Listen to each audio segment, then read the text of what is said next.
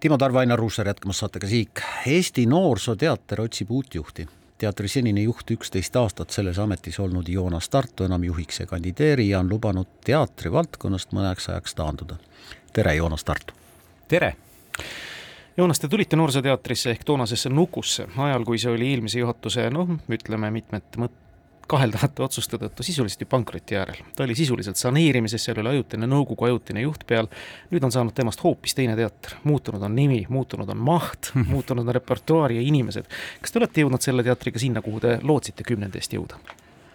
noh, kui, kui nüüd nii-öelda nagu sinu sellest jah, kuskilt lõpust alustada, siis äh, täna hommikul just mõtlesin, et, et tegelikult võib öelda, et suur osa tööst, mida ma tegelikult ei osanud võib-olla siis päris niimoodi piiritleda, või noh, see tunne on, et suur osa tööst on, on minu jaoks nagu tehtud. Äh, täpsustan ühte asja, mida sa ütlesid, paljud inimesed äh, või et enamus inimesi on muutunud, tegelikult on päris palju neid inimesi, kellega me toona al alustasime alles selles majas. ja see oligi toona ka üks selline nagu võib-olla kõige suurem ja kõige rõõmsam äh, avastus, kui ma sinna majja sisse astusin ja tõepoolest nägin seda pilti, mis oli seal pool miljonit pluss eurot ja, ja nii edasi ja nii edasi ja nii edasi siis ühel hetkel ma sain aru, kui palju seal on tegelikult potentsiaali just nende inimeste näol olemas. Neile võib-olla lihtsalt ei ole seda väljundit antud ja noh, siis oligi lihtne samm anda see väljund ja oleme täna siin, kus me oleme. Teil on nüüd võimalus avada minu jaoks saladus, millest ma ise ei ole ennast läbi hammustanud lai sihtrühm, lapsed, täiskasvanud, mitte isegi, isegi lapse eelikud. kaheksakuistest. jah mm, -hmm. nende jaoks teatrit teha, seda taskukohaste piletite hindadega pidada, truppi hoida, no kuidas võimalik?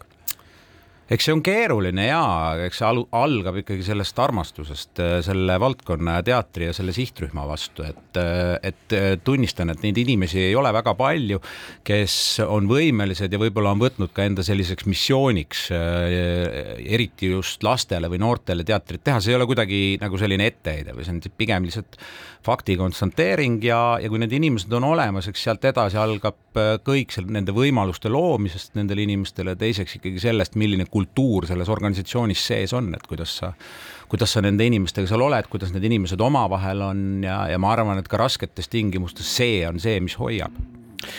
Te olete lisaks sellele, et panustanud ka Noorsooteatri ülesehitusse üsna palju laiemalt võtnud Eesti teatrite käekäigu eest muretseda Etendusasutuste Liidu juhatuse liikmena. mina mõtlesin õpetajate streigi aegu päris tõsiselt, et järgmisena on tänavatel näitlejad kui lähedal teie sellele tunnetusele olite, et näitlejad lähevad varsti tänavatele, sest et see oli tolleks hetkeks ikkagi üsna valusalt ja David Eplenkovi poolt eriti reljeefselt välja toodud probleem näitlejate palkadega?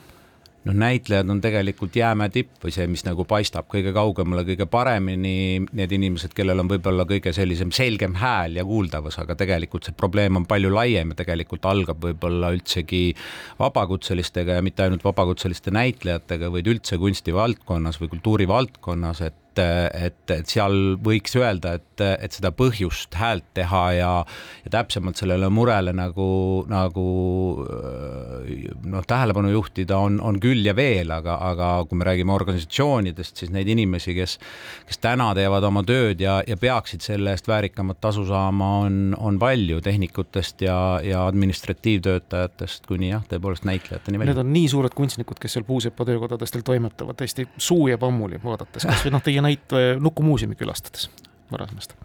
aga kuidas nüüd on, kas siis probleem on selles, et erakordselt teatrilembese ja teatrisse väga palju panustava riigina lihtsalt ongi vähe raha jagada väga paljudele teatritele, kes seda sooviksid ja suurt kunsti teha? nojah, ega see on keeruline ja kompleksne teema, et äh, sõda käib nii edasi, nii edasi, nii edasi, eks ole, et, et kõik saavad ju sellest aru ja ega siin mul sellist ka nagu mingit võluvitsa ei ole, et ütlen, teeme nii või teeme naa, et et et äh, jah, teatrit Eestis tehakse palju, huvi on palju, kas seal annab kuidagi mingisuguselt äh, targemalt majandades või targemalt nii-öelda neid asju seades kuidagipidi saavutada niimoodi, et ei ole kõigil hästi kehvasti, vaid on osadel paremini, osad teevad midagi muud. võimalik, et, äh, et on selliseid, selliseid lahendusi. teine asi, mis ma mõtlen selle kultuuripoliitika seisukohalt, on ikkagi täna see, et et, et võib-olla on jälle aeg mõelda natuke selle peale, et milline see kultuuri väärtusahel tegelikult on, eks ole, et mida ta täna juba loob, on ju.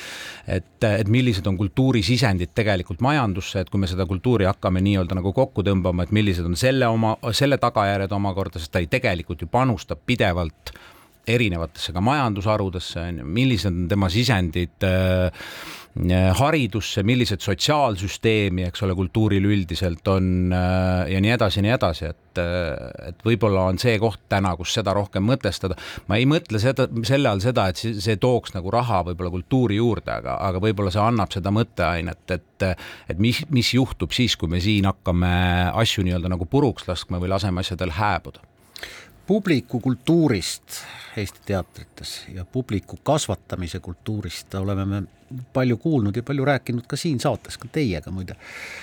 noorsooteater, kas teater kuidagi saab noort publikut kasvatada? ikka saab. kuidas see käib, öelge mulle viimase näite põhjal ma võiks öelda, et see oli äh, ütlemata lihtne. tuli öelda lihtsalt äh, sihtgrupile, et teate, meil on selline mure, et äh, natukene on kehvasti saalis ja ühe päevaga sõna otseses mõttes nagu noaga lõigatud järgmine päev oli pilt teine.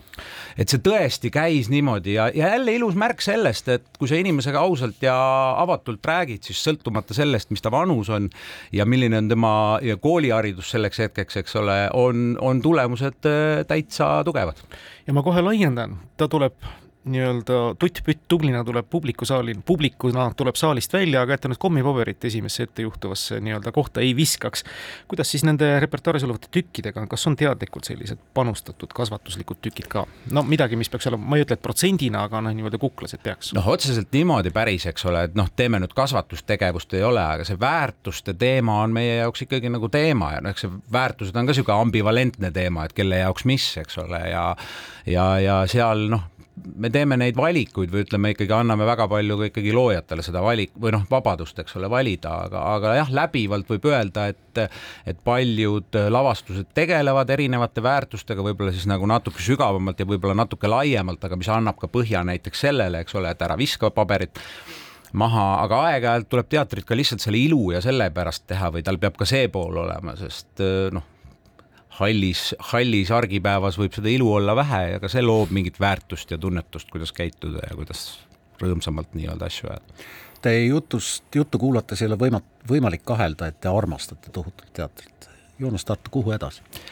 Ja ei, ma armastan tõesti teatrit juba väikesest lapsest peale ja, ja kultuurivaldkond on mulle üldse väga hingelähedane kunstivaldkond, sest tõepoolest ma arvan, et see väärtusahel või see ahel on sedapidi, et kõik see, mis meie ümber nii-öelda toimub ja kõik, mis me saavutame, sellel on ikkagi mingisugune selge sisend kultuurist ja kunstist, eks ole, et see, see, see on nii-öelda selle ahela algus, mitte see, et teeme kõigepealt majanduse korda ja siis vaatame, mis edasi saab ja kes saab, eks ole, vaid majanduse saab korda teha selliste sisuliste väärtuste arendamisega.